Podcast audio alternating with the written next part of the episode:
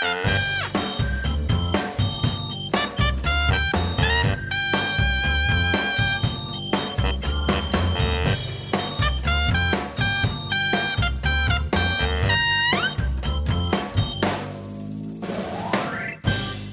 is de allereerste CIP-podcast sinds de corona-uitbraak.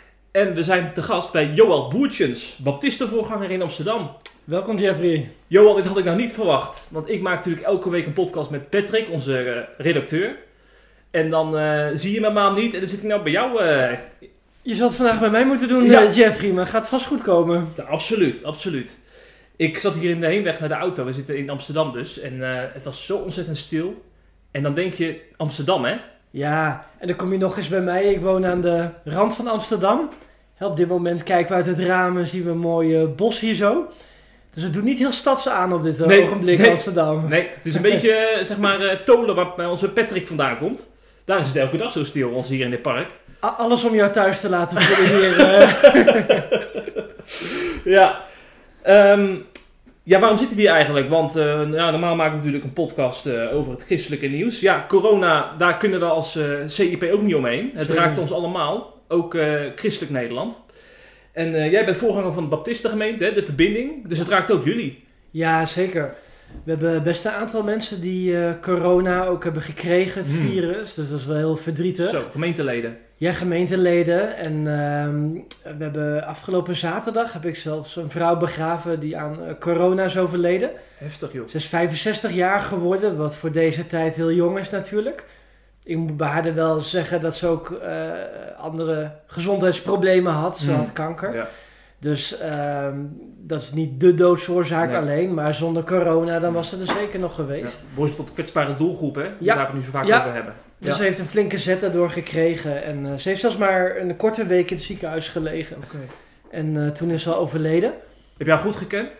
Ja, zeker. En eh, er is ook nog iemand die op de intensive care ligt. En ik eh, heb net vanochtend, een, denk ik een uurtje geleden, eh, gesproken met zijn dochter. En hij is van de beademing af. Dus oh, zo. ik ben vandaag als een kind zo blij. Mijn Ja. dag kan niet meer stuk. Dat noemen we een gebedsverhoring, of niet dan? E- enorm, enorm. Ja, dus daar is zo blij mee. Is ook iemand op wie ik bijzonder gesteld ben. Oké. Die eh, onze hele alpha-cursus ook runt. En Ja. een ontzettende schat van de man. Ja, ja, ja. Eh, dus ik ben super blij dat... We moeten niet te vroeg juichen, Mm. maar het gaat wel de goede kant op. Hoe oud is hij? Ja, ik denk dat hij zo'n eh, vijftiger is. Oké. zo, ja. ja. Ja, ja. ja. Het is een Surinaamse man, een hele grote man. Dus ik zei al tegen zijn dochter aan de telefoon, ik zei, "La- zeg maar dat hij goed moet aansterken, want ik geef hem dadelijk een brassa als het weer kan. Ja, ja, ja. Dan knuffel ik hem plat. Fantastisch. Ja. Ja, ik, moet even, ik moet weer even denken aan Jort Kelder. Hè? Dat is natuurlijk, eh, die komt nou vaak in talkshows om Ja. eh, te zeggen dat de economie heel belangrijk is. En dat we toch ook eh, ja, moeten, moeten denken aan, aan ons land, economisch. Maar hij zegt dan bijvoorbeeld, het zijn allemaal tachtigers die op de IC liggen. Maar nu hebben we het over twee mensen die gewoon 60 en 50er zijn. Hè? Ja, Dus ja. het, is, het is echt wel bizar. En kijk, Jort Kelder, eh, dat is wel leuk. Die heb ik in de kerk nog gehad bij ons. Oh. Hè? In, de, in de, die specials waar we een christen en een niet-christen uitnodigen. Ja, doen jullie één keer in de maand doen jullie dat, hè? Nee, ja, dat doen we vier keer per jaar. keer per jaar, We hebben oh ja. ander soortige specials met concerten en zo Ja. in de ochtend. En eh, samen met Andries Knevel, die interviews zijn vier keer per jaar. En ja, Jort is natuurlijk een provocateur. En, eh, maar het punt dat hij maakt, eh, snap je natuurlijk wel van... Natuurlijk gaat het om de gezondheid. Als dadelijk de hele economie is ingestort, waar het wel natuurlijk eh, signalen van zijn... Ik spreek ook meerdere mensen uit de kerk die nu merken, ehm, ja, ondernemers, dat de grote vissen al een opdracht hebben teruggetrokken. Ja. Dus ik wilde ook nooit te makkelijk over geld doen van geld is maar geld. Dat is Hmm. natuurlijk zo. Maar eh, ja, mensen die eenzaam zijn, eh, mensen die banen kwijtraken, huwelijken die op spanning eh, extra komen te staan. Ja. Ik zou absoluut niet zoals Jort erover spreekt doen. Maar er zijn natuurlijk wel andere aspecten die ook wel aandacht verdienen. Ja. Ja. Ik, ik ken ook mensen bij wie hun kankerbehandeling eh, nu is uitgesteld. Hmm. Om, logischerwijs, omdat ze niet terecht kunnen. Maar ook dat soort eh, mensen zijn, eh, hebben er ook last van natuurlijk. Ja, ja. Zeg, die mevrouw waar je net over had, die overleden is eh, door corona. Die, die begrafenis heb jij geleid, hè, afgelopen weekend. ja, ja. Dat is, lijkt me ook gek om in coronatijd een begrafenis te leiden. Het is heel onwerkelijk. Je hebt eerst een gesprek met familie. Die hebben we wel fysiek gedaan. Omdat, eh, eh, om dat via Zoom of een ander programma te doen is zeer afstandelijk. Nou, Maar we waren met z'n vier. En dan gingen we allemaal op een hoek van de tafel zitten. Echt flink uit elkaar zitten. Zij waren natuurlijk ook nog bij haar geweest. Ehm, wel met beschermingsmateriaal, maar je bent toch extra voorzichtig. Ook om, je wilt niet verspreiden in de kerk. En ehm, ja, dan is zo'n gesprek heel apart. Je kan niet eens een hand geven aan degene die je niet kent om je voor te stellen. Mensen huilen en die laat je zitten. En Hmm. je hebt natuurlijk veel non-verbaal contact eh, met je ogen. En je houding. Maar het is heel apart zo'n gesprek. nou. En op de begrafenis eh, in, de, in de dienst, het was in een ander kerkgebouw. eh, en ja, groot gebouw. Mensen zitten met z'n dertigen helemaal verspreid. Hm. Haar moeder die leeft, eh, leeft nog, van 94 Oké. jaar oud. Dus die zat dan daar vooraan. Schrijnend, ja. Nou. ja. Het is echt contactarm. Ja. Ja. Ja, ja, ja. En tegelijkertijd zie je wel dat, dat God dan ook weer, mensen wil verbinden. Hmm. Eh, want je zit allemaal in hetzelfde schuitje. eh, en het brengt ook weer veel moois in mensen naar boven Ja. natuurlijk. Hè? En, eh, meeleven, saamhorigheid. Hmm. Maar het is heel idioot dat je geen lichamelijk contact kunt hebben Ja. op een begrafenis. Absoluut. Dat mensen afgebeld moeten worden omdat ze niet tot een selecte groep van 30 mensen behoren. Nou, ja. ja. je zal maar moeten kiezen, dat Ja. soort dingen. Ja. Nee, ik had het met mijn vrouw over, want ik heb mijn opa vorig jaar verloren, rond Hmm. deze tijd ook. En ik, zei, ik ben zo dankbaar dat wij gewoon in, gewoon in eh, normale omstandigheden afscheid hebben kunnen nemen en eh, iedereen in die kerk kon. Want je zou maar moeten kiezen inderdaad, dat is heel erg lastig. zo naar. Ja. Ja. Of ook oudere mensen. Een tijdje geleden is ook de oma van mijn eh, vrouw overleden. Ja, Dat je ook denkt van gelukkig is ze wel voor dit isolement bespaard gebleven. Hmm. Dat je dan Zo. maandenlang helemaal op jezelf zit. moet je niet aan denken. Dan kan je ja, in die zin beter vorig jaar heen Ja. zijn gegaan in meer vrede. Ja. Op een hele andere manier. Als het dan Hmm. toch moet, dan is dat toch wel een verschil. Ja, ja. ja. ja. Voor mensen die eh, nog niet echt een beeld hebben van jullie ba- baptistengemeente, dat zijn jullie hier in Amsterdam. Ja, Eh, jullie waren een paar jaar geleden in het nieuws, omdat eh, wat gemeenteleden van jullie zijn bedreigd hè, uit de islamitische hoek. ja. Dat wil zeggen dat jullie ook bijvoorbeeld mensen met een moslimachtergrond in de gemeente hebben. Ja, we zijn een multiculturele kerk en eh, nou, we groeien lekker. Ik ben zelf hier sinds vijf jaar in, in dienst. De Baptistengemeente De Verbinding in Amsterdam-West. Maar het is een regiokerk hoor, dus mensen komen ook van eh, andere wijken, maar ook andere plaatsen. En eh, we hebben best een aantal mensen die eh, als moslim tot geloof zijn gekomen in Jezus. Soms bij ons in de kerk, soms op een andere plek. Heel veel zijn in Ter Apel geweest of andere plekken. Ja. Sommige mensen die juist om die reden gevlucht zijn uit hun thuisland, dat ze daar al christen waren. Dus een mix van van alles en nog wat. Hmm. En eh, ja, bijna allemaal krijgen die wel eh, in meer of mindere mate met tegenstand eh, te maken. Ja. ja. Het is zelfs nog aan de orde geweest in de gemeenteraad. Hè? Volgens mij Ja. vorig jaar toen had burgemeester Halsema ook nog wat vragen beantwoord van Ja, het verschillende is, partijen. het is begonnen bij jullie, Jeffrey, trouwens. Ja, goed dat je het even zegt trouwens. Ja, ja, ja. daar moet ik nu ineens aan denken. Ik, ik had op een gegeven moment een tweetje geplaatst. ik twitter graag. Maar van joh, ben nu eens klaar, al die bedreigingen. Er was iemand echt, eh, zijn eten was gestolen. eh, heel veel bedreigd en narigheid. Ja. En eh, ja, jullie pakten het tweetje op, kwam een interview bij jullie. Maar toen nou, ben ik zelfs in de Telegraaf in een site letter, een site van een artikel geweest. Op de radio geweest en dat rolde helemaal uit. En toen hebben eigenlijk allerlei verschillende mensen vanuit de politiek contact met me opgenomen. Met name vier partijen. Eh, eh, Forum voor Democratie, de VVD, eh, CDA, ChristenUnie. SGP trouwens ook, dus eh, vijf partijen. Oh ja. En alleen die zitten niet in de gemeenteraad in Amsterdam, maar ik ben ook landelijk wel bij partijen geweest. Ook in Den Haag, of mensen zijn hier bij mij thuis geweest. En uiteindelijk met die vier partijen, dus die vijf los van de SGP, omdat die niet in de gemeenteraad zitten, hebben ze me allerlei vragen in de gemeenteraad gesteld. Met als resultaat, dat was heel bijzonder, Femke Halsema dusdanig geraakt was, dat ze ook hier is gekomen. Dus jij zit, aan, jij zit aan dezelfde tafel, Jeffrey, waar Femke Halsema heeft gezeten. ja, dat kan iedereen zeggen, we eerlijk zijn. Je moet je handen wassen in deze tijd, maar anders... ja. Ja, maar, maar je bent dus tevreden over haar, de burgemeester, in, de, in deze zaak, zeg maar, dat ze dit goed heeft opgepakt. Deels wel. Eh, ik heb toen ook meteen eh, ehm, aangegeven dat ik dat zeer waardeer. Ja. Ik heb ook later nog een keer gesproken, ander verband. En ik zag ook wel echt de oprechte betrokkenheid. En wat ik ook heb gedaan is, ik heb een andere voorganger uit Amsterdam uitgenodigd. Maar ook mensen die slachtoffer zijn. Hè, zodat Ja. het niet mijn verhaal is, maar dat ze echt die mensen zelf zou eh, ontmoeten. Dus dat is een bijzondere meeting geweest. Dus is goed opgepakt. Eh, waar een tikje teleurstelling zit, is eh, het zou eigenlijk afgelopen ehm, september, dan is het een jaar geleden, zou een onderzoek daarna afgerond zijn. En dat is toen eh, verschoven naar december, is verschoven naar maart en we zitten nu in april. Ja. Dus dat vind ik wel teleurstellend dat dat ja, haast richting het dubbele van de tijd gaat, of Hmm. een keer anderhalf. Dus ik ben benieuwd wanneer dat afgerond zal zijn. En ja, zonder dat daar nou per se een oplossing uit zal komen, want het is bijna onoplosbaar. Maar het is wel mooi dat het natuurlijk op de aandacht, eh, op de radar komt. Mhm. Je hebt allerlei groepen die best wel veel aandacht krijgen. Hè? Ook homoseksuelen bijvoorbeeld, terecht. Hè? Dat die eh, eh, mishandeling meemaken, andere minderheden. Ja. En dat is mijn eerste doelstelling, dat in ieder geval deze mensen ook gezien worden. En dat het ook goed wordt opgepakt als er met hun wat gebeurt. Mhm. Ja. Ja, ja, ja. We hebben het even over Halsema gehad. En een collega van Halsema, dat is Ahmed Abu Taleb, hè? de burgemeester van Rotterdam. Ja, ja, zeker. En hij was eh, afgelopen week in het nieuws rondom eh, kerkdiensten in coronatijd. Zullen we even een fragmentje laten horen van Radio 1? Ja, zo van enorme wijsheid getuigen. En ik vind die kerkraden ongelooflijk wijze mensen. Um, om, um, om te zeggen, zelfs die ruimte die ons het kabinet biedt, om wat voor reden dan ook, uh, praktisch, politiek, bestuurlijk, ik heb geen idee hoe de motivering is. Ja. Doe het niet, ga naar nul. Even door de zure appel heen, want ik waardeer het ook dat dezelfde kerk heeft besloten bijvoorbeeld nu kerkdiensten uit te zenden, te streamen. Wat Ja, ook in ja, maar daar heb je wel een aantal mensen voor nodig die bij elkaar komen. Daar heb je een dominee nodig en, iemand die eh, de muziek begeleidt en een ouderling Ja. en zo. Dus een man of, ja, wat zal het zijn, zes, zeven heb je dan wel nodig. Ja, maar dat doen we kansberekening. Hè? Dus nou, één techneut is wel genoeg hoor. Eén techneut met een voorganger, en iemand die eventueel de, de muziek eh, verzorgt.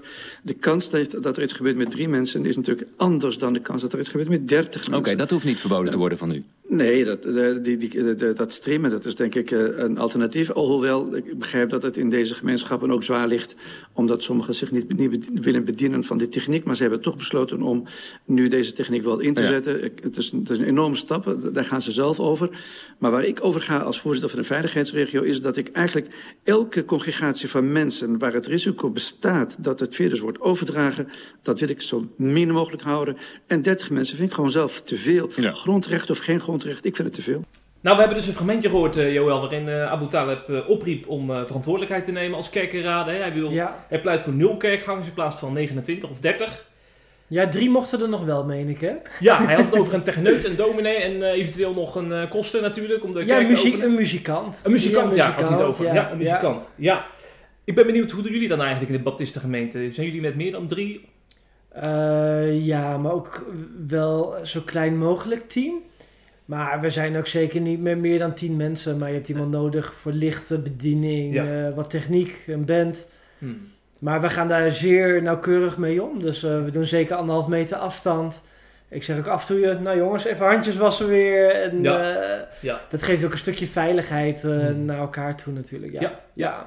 Er is een oproep van Abu Taleb. Eh, kun je dan ook daarin vinden als voorganger? Ja, eh, even een leuk detail om te noemen. Dat, eh, mm, leuk, maar hij zou eigenlijk 29 maart bij ons in de verbinding zijn, burgemeester Abu Taleb. In het kader van die eh, avonden met Andries en Co. Dus naast Halsen wij ook nog contact met Abu Taleb. Dat is toch wel heel wonderlijk. Nou, we hebben een heel wonderlijk rijtje van mensen die al langs zijn gekomen. Van Bram Moskowitz tot Thierry Baudet. Eh, ook Lilian Marijnissen, die Jort Kelder, Ja. Antoine Baudard. Dus we hebben een heel gemêleerd gezelschap. Johan Derksen Eh, niet te vergeten, hè? Johan Derksen inderdaad, dat is ook fantastisch. Eh, maar ook Joram van Klaveren en allerlei soorten mensen. En, eh, maar die gaan we verzetten, dus dat komt nog wel hoor. Amut Kijk. met, eh, met eh, Segers. Maar nee, ik vind het zeer terecht de noot die hij hier kraakt. Ik denk dat je als kerk juist je verantwoordelijkheid hierin moet nemen. En toen ik dus op die begrafenis afgelopen zaterdag was, toen werd er ook elke keer gezegd: joh, hou nou echt afstand. Als jullie dat niet doen, dan kunnen we niet meer die begrafenissen met 30 mensen op deze manier doen. En zo zie ik dit ook van laten we niet als kerk de rand op gaan zoeken van dan kan ik een maximale aantal mensen nog binnenloodsen. Maar kijk gewoon wat echt nodig is. eh, hou goed afstand. En in Handelingen 2, hè, die aantrekkelijke gemeente, mensen waren enorm onder de indruk van de saamhorigheid en de liefde, de wonderen en de tekenen. Ik denk, laten we niet eh, bekend staan Hm. om, als, als onverstandige mensen. En bijna elke kerk, er komen wel meer dan 30 mensen. Dus ja, of je nou met 10 of met 30 mensen doet, dat maakt er niet een enorm verschil. Je maakt met elkaar toch een opname voor meerdere mensen. Dus ik denk, joh, probeer daar gewoon een beetje wijs in te zijn. En Abu Talib zei terecht van, hè, met 30 mensen heb je meer verspreidingsrisico dan met drie mensen. Mhm. Dus ja, ik vind het gewoon een stukje menselijke wijsheid om daar eh, zorgvuldig mee om te gaan. Ja, Ja. ja, ja. Ik begrijp goed wat je zegt. Aan de andere kant hoor ik ook christenen die bijvoorbeeld deel uitmaken van een kerk eh, die, die best wel groot zijn, hè, waar bijvoorbeeld eh, duizenden mensen in passen. Ja, En die zeggen dan bijvoorbeeld, ja, als wij daar met 30 mensen zijn, dan kunnen we gewoon verspreid over de hele kerk zitten en is er niks aan de hand. Dus waar bemoeit die Abu Talib zich mee? ja, kijk, deels is dat ook wel waar. Het is ook wel een beetje spijkers op laag water zoeken weer. Want ehm, ja, ik, ik kan geen eh, vijf kerken opnoemen die nog samenkomen. Überhaupt zijn er zeer weinig. Dus dat is ook wel een beetje suggestief, denk ik.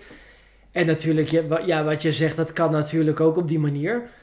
Ik vraag me wel wat je doelstelling daar dan mee is. Maar iedereen heeft natuurlijk zijn eigen Ja. eh, smaak daarin. En ik denk wel dat je niet moet onderschatten wat voor signaal geef je als kerk naar de samenleving. En de tijd vandaag de dag is voor een deel gewoon beeldvorming ook natuurlijk. Dus ik denk, eh, als die kerk toch al duizenden mensen heeft, het gros daarvan eh, moet toch dus in de huiskamer samenkomen. Ja. Is het dan zo waard om op je principes te gaan staan om het aantal tot 30 aan te vullen? Met dat je weet hè, dat je ook in allerlei media komt en mensen erover spreken. En dat je niet de platform krijgt om je te verdedigen. Eh, dus die afweging moet je maken. Aan de andere kant heb je ook een punt hoor. Van, eh, joh, moet je daar nou zo moeilijk over doen?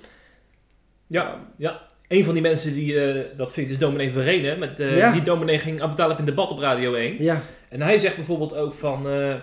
ja, hij vindt het zo gek dat iedereen nou op die kerkdienst loopt te hameren. Terwijl er bijvoorbeeld ook bouwmarkten zijn die gewoon open zijn. En waar mensen dus echt langs elkaar bewegen. Terwijl in de kerkdienst inderdaad je veel meer kan spreiden. Dus hij vindt het ook een beetje... De beeldvorming vindt hij niet helemaal eh, kloppen Ja. in die zin. En verwijst ook naar supermarkten. loop je ook best wel op elkaar. ja. Nee, dan heeft hij natuurlijk wel een punt. En eh, eh, kijk, supermarkt is een redelijk primaire Ja, levensbehoefte. Die zou wel even open houden, denk ja, ik. Maar, maar, maar de kerk zien we natuurlijk ook als een primaire eh, levensbehoefte.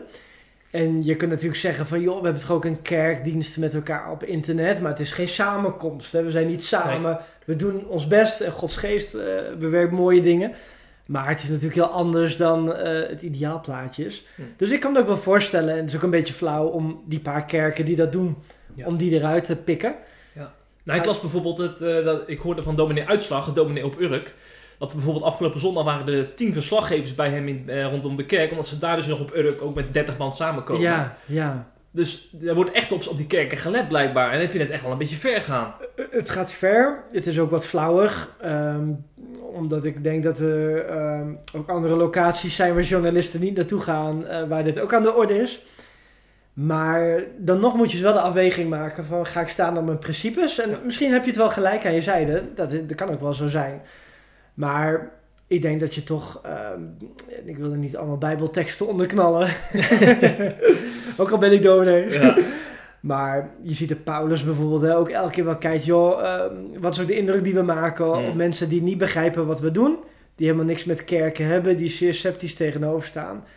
Soms is het ook wijs om je gelijk even aan de kant te zetten en dan toch een beetje rekening te houden. Maar iedereen moet die eigen afweging maken. Ja, ja. Ja. Nou, ik, ik snap je punt wel. Want inderdaad, als je bijvoorbeeld, stel je zit op zondagochtend in de huiskamer en je ziet voor je huis zie je een groepje van 20, 25 mensen lopen naar de kerk, dan denk je toch van, eh, waarom lopen die mensen eh, dezelfde richting op? Ja. Hebben die de nieuws wel gevolgd? En, en de beeldvorming wordt dan toch anders. En je weet ook hoe dat gaat met de media. Dan is er iemand die maakt daar een foto van. Ja. En die, eh, dan wordt het ook zo in beeld gebracht dat je allemaal bijna naast elkaar loopt. Ja. Dus ik denk dat het wel wijs is om daar gewoon ook wijs natuurlijk gewoon eh, mee om te gaan van wat voor beeld communiceer je. Omdat je bij heel veel mensen niet toe zal kunnen lichten hoe het werkelijk eh, de vork in de steel zit. Mhm. Ja, Ja. ja, ja.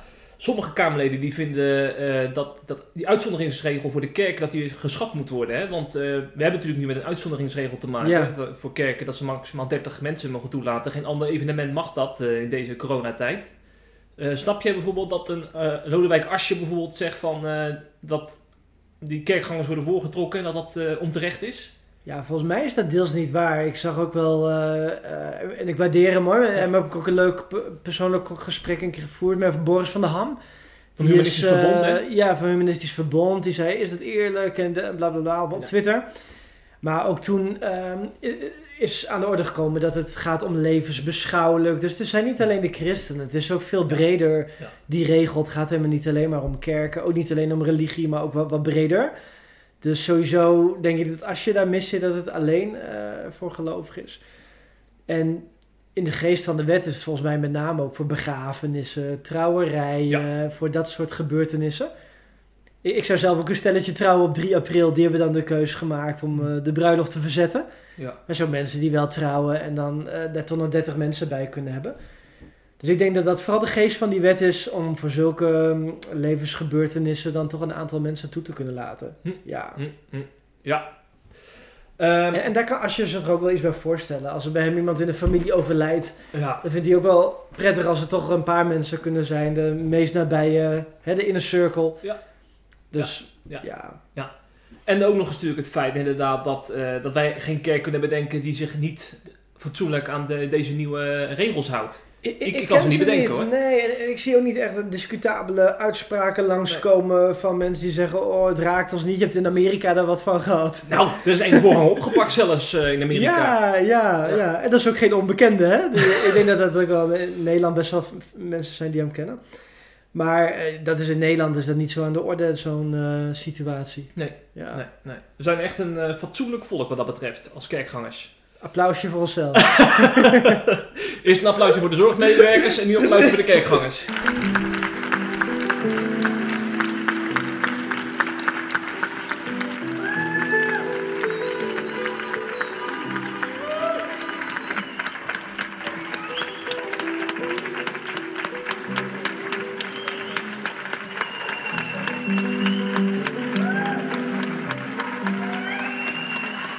applaudisseren deze tijd als handenstuk. Zo, en, tere- en terecht. Ja, hoor, Ja, ja. Eh, wie volgens velen geen applaus verdient, dat is eh, een gereformeerde gemeentepredikant, namelijk dominee Achteresch. Want hij heeft een brief geschreven, die is uitgelekt via de Telegraaf onder andere, Ja. aan, eh, aan kinderen in zijn gemeente.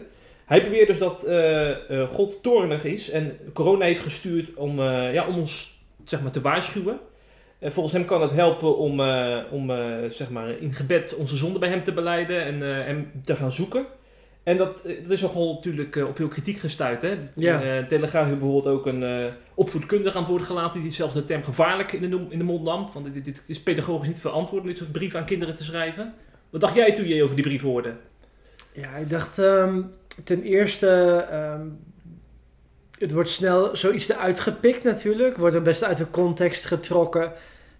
wat er in de hele brief staat, want er stond nog wel meer bij als je de Zeker. hele brief leest natuurlijk. En daarbij denk ik ook van, is het wijs en nodig eh, om van al die christelijke kerken, om dan net als je ergens een brief kunt vinden, om dat dan meteen te publiceren. Aan de andere kant, zo werkt het en daar moeten we het niet om jammeren.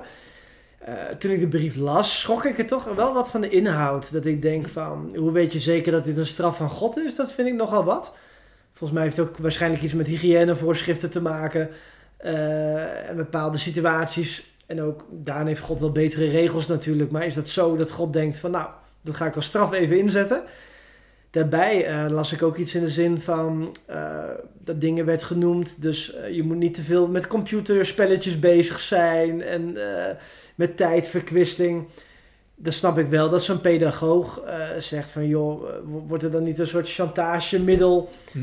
om kinderen aan andere dingen te krijgen? Ik snap wel dat die indruk wekt voor iemand die niet gelooft. Ja, Ja. ja, ja. En zelf zal ik dit naar mijn eigen kinderen ook niet zo snel op deze manier Snap eh, ik. ja, noemen. ja. Ja. Maar als je zegt inderdaad, eh, eh, is het ook belangrijk om te beseffen, want eh velen kennen natuurlijk niet zeg maar, die orthodox, orthodoxe wereld waarin deze dominee zich bevindt. ja. Waarin dit echt, waar echt, echt een ander taalveld hè, waar we ons in bevinden. Daarom. En kijk, dit is daar heel gebruikelijk. Ik, ik ken ook veel mensen uit die hoek, van allerlei soorten stromingen natuurlijk. En dan is het inderdaad van eh, dat sommigen vinden hè, de Donald Duck lezen is verspilling van je genadetijd en dat soort Mhm. termen. Ja. Dus ja, dat is wel een bepaalde blik waarmee gekeken wordt, eh, Mhm. inderdaad. Ja. Ja. Ja, ja. Dat valt me nou namelijk op als je dan wel eens bijvoorbeeld even een dominee nabelt na zo'n brief. dat het dan altijd weer wat genuanceerder klinkt. Hè? Dan vraag je door van, ja, maar hoe bedoelt hij dat dan, de straf van God? En dan, gaat hij, dan krijg je dan toch een beetje de nuances in een telefoongesprek. En in een brief heb je die niet. Klopt, klopt. Dan komt het ook harder over, zo'n zo'n eh, zo'n zin natuurlijk. Dat, klopt hoor, dus dat, eh, dat is ook zo. Ja, En ja, je moet er wel gewoon in deze tijd van uitgaan dat iedereen het leest. Als jij een mailtje stuurt of iets eh, publiceert, dat dit er alle handen kan komen.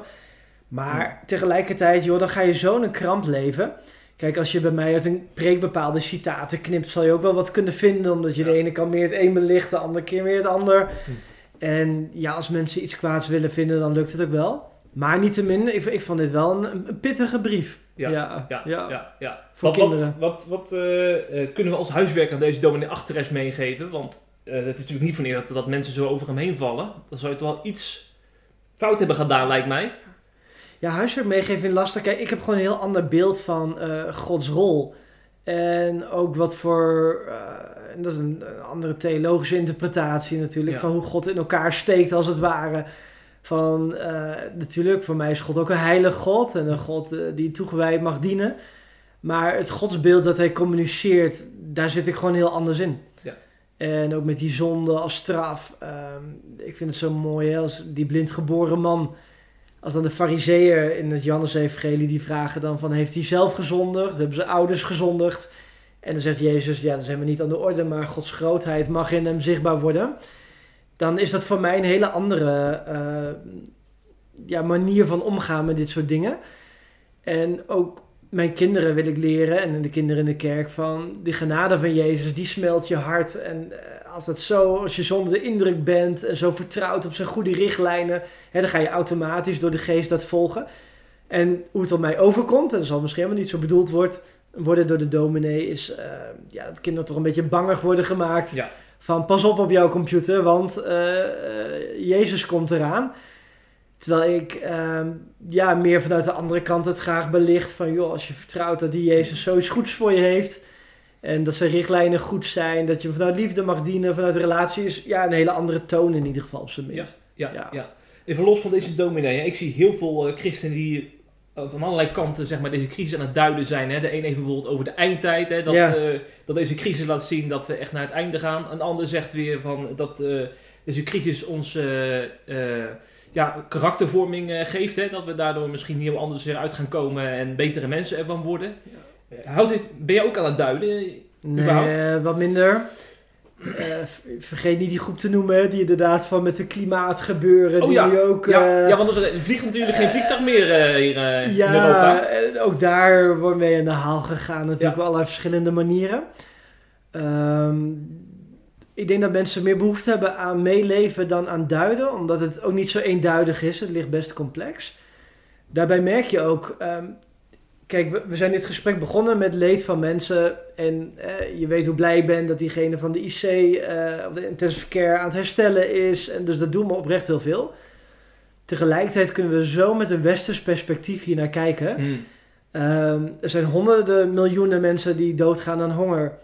Er zijn heel veel mensen in Noord-Korea die eh, jarenlang in quarantaine bijna leven.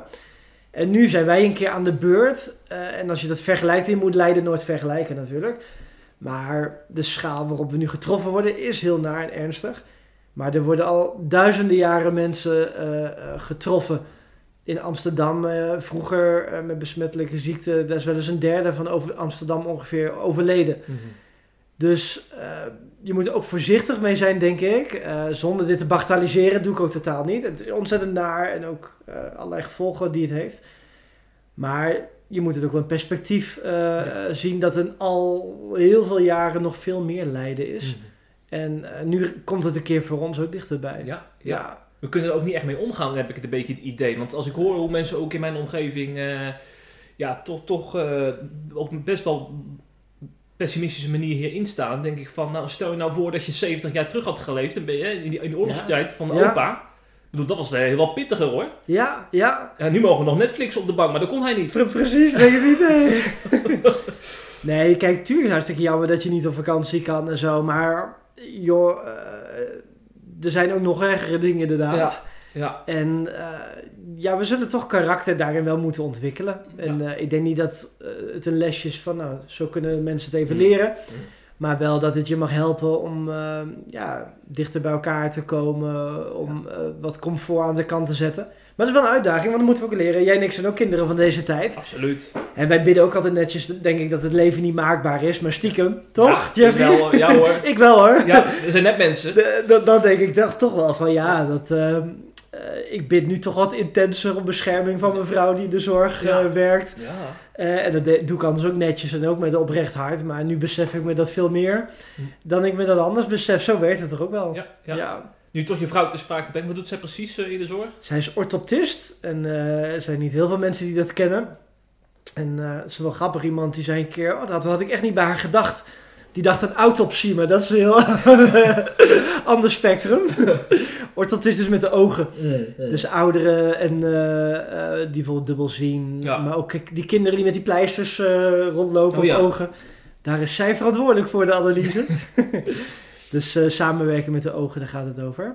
Dus zij doen met name spoedpatiënten nu. Eh, ook veel afspraken verzetten en, en zo natuurlijk. En ehm, het kan wel zo zijn dat ze ook in van die tenten hebben in Amsterdam. Waar nu eh, mensen binnenkomen die gewoon het ziekenhuis binnengaan. Die moeten getemperatuurd worden. Ja, en, joh. eh, eh, omdat ze geen corona verder in het ziekenhuis willen hebben natuurlijk. Ja. En het kan ook zijn dat ze dus op andere plekken ingezet zal worden. Hm. Ja, Hm, hm. Ja. En hoe zijn jullie er als gezin verder onder? Want jullie zijn niet met z'n tweeën. Die nee, we zijn met z'n vieren. Ja. Nee, wel best eerlijk zeggen, de eerste week moesten we best even opstarten en onze draai eh, zien te vinden. En dat ging niet met slaande deuren, maar toch Ja. wel even dat je net wat eerder aan elkaar irriteert Ja. en even je weg moet zoeken. En dat is ook niet erg. En nu gaat het wel goed. We, we hebben geluk dat we hier in Amsterdam, of nou, daar zijn we heel dankbaar voor. Hè, we wonen hier aan de rand van de stad, schitterend bos waar we lekker kunnen lopen, waar mensen ook echt goed afstand houden. Het is ook helemaal niet zo druk. Hm. Dus we kunnen af en toe eruit en ehm, ja, tegelijkertijd is het wel een uitdaging natuurlijk met de kinderen. En eh, tot nu toe zijn onze kinderen nog eh, keurig eh, aan de slag met de schewa's. Ja, ja, ja, ja, ja. Dus laten we dat zo houden. Ja. Dat zou mooi zijn. Ja, ja, Ja. ja. En ehm, je bent niet alleen voorganger, jij bent ook nog eens voetballiefhebber. Jazeker. Het kan ja. samen gaan. Ja, Je bent PSV-fan. ik ben eh, in dubbele zin missionaris in Amsterdam. ja, een PSV-fan in Amsterdam. Volgens mij zat zelfs in je Twitter-bio. ja, klopt. Zo Ja. belangrijk is het ook wel weer. Ja, Toen we net hier woonden, toen, ehm, voor de gein deden we altijd... Wij komen vaak bij de arena, wij wonen in Zuidoost. En dan eh, riepen we voor de grap zo boe met de kinderen als we langs de arena Oh, ja. kwamen. ja, ja, ja. ja. Totdat ze het in de metro ook hardop deden. Oh. Toen zei ik van, nou, misschien moet ik jullie toch iets gematigder opvoeden. ik weet niet of we hier dan vrienden mee maken. Nee, nee, nee, nee, nee. Oh, oh. Ja. Ja. Maar ehm, eh, ook de voetbalwereld wordt natuurlijk best wel hard geraakt door deze crisis. Ja. Eh, ik weet niet of jij vaak voetbal keek voor corona, maar ik keek toch wel iedere week al een wedstrijdje. ja, ik ook heel vaak. Ja. Ja. dit seizoen was ik iets minder enthousiast, maar eh, Ja, ik keek wel graag. ja, want Ajax dreigt kampioen te worden. Maar de vraag is nu of het überhaupt gaat gebeuren. Hè? Want de competitie wordt waarschijnlijk gewoon in niet afgemaakt. Nee, denk ik niet. Dat, dat kan bijna niet. Zeker gezien die contractsituaties. Hè? Omdat ehm 1 juli allemaal nieuwe contracten weer ingaan. Dus dan zal dat lastig zijn. Ja. Hoe, ik zei wel tegen een vrouw in de kerk die mijn humor, eh, wat wij eronder staan, in ieder geval een beetje deelt. Ik zei van, ehm, eh, de- ooit een geleerde, een man met de initialen JC, die heeft gezegd, eh elk eh, nadeel heeft zijn voordeel. Ja. Ik voel me wel gezegend dat ik in deze tijd een paar maanden geen PSV hoef te zien. want, want- want het was niet om aan te zien. Ja, ja, ja, ja, ja, ja. Ja. Nou, dat kan ik ook zeggen, want ik ben fan van Excelsior. Eh, Oh, de, ja. De, de derde club van Rotterdam. En die ja, hadden ook wel een slecht seizoen hoor. Ze staan ergens zevende of zo eh, in je hebt op dat gebied nog veel meer te lijden in je Zo, leven dan ik heb als PSV. Ja. Ja, Ja. in de eerste week van corona zou ik naar Excelsior eh Top Os gaan. Nou, dat is een, wedstrijd waar je echt voor gaat zitten. Enorme topper. Ja. Maar in deze Jij tijd... kiest er wel uit, Jeffrey. Wat zeg je? Jij kiest er wel Ja, uit de wedstrijden, de pareltjes. Ja, ja.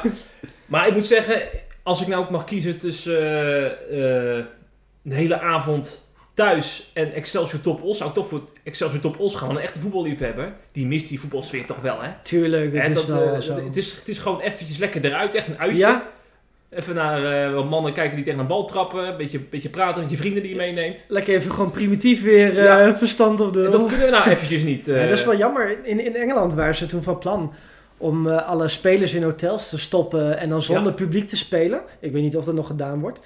Ik dacht dat was best leuk geweest als het had gekund, want eh, sommige mensen vervelen zich. iedereen heeft sowieso wel zin om wat anders te zien. Dan kon je nog zonder publiek toch een paar wedstrijdjes meepikken. Ja. Go- Maar in Nederland zullen ze dat niet doen, eh, Nee, denk ik. Nee, Nee. nee, nee, gaat het niet worden. Nee. Ja.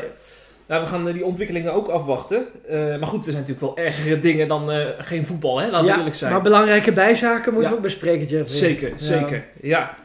Zeg, we zijn aan het einde van de podcast, Joël. Ehm, misschien ook wel even leuk nog om aan te kondigen slot. Dat jij hebt binnenkort een belangrijke presentatie in mei. Ja, klopt inderdaad. Nou, de presentatie die wordt verschoven vanwege Oh, ja. het corona gebeuren. Ik heb een eh, boek geschreven en afgerond. Eh, die komt eh, bij Boekencentrum komt die uit. Over de rol van vrouwen in leiderschap in de kerk. Het is een populair wetenschappelijk theologisch boek. Waarin ik eh, ja, de gedachtegang van Paulus ga naspeuren. Maar bovenal die van zijn opdrachtgever met een hoofdletter. Ja, ja, ja. Want het is nogal heet hangijzer. Er is zelfs een kerkgemeenschap in Nederland dat zo'n 70.000 eh, leden telt.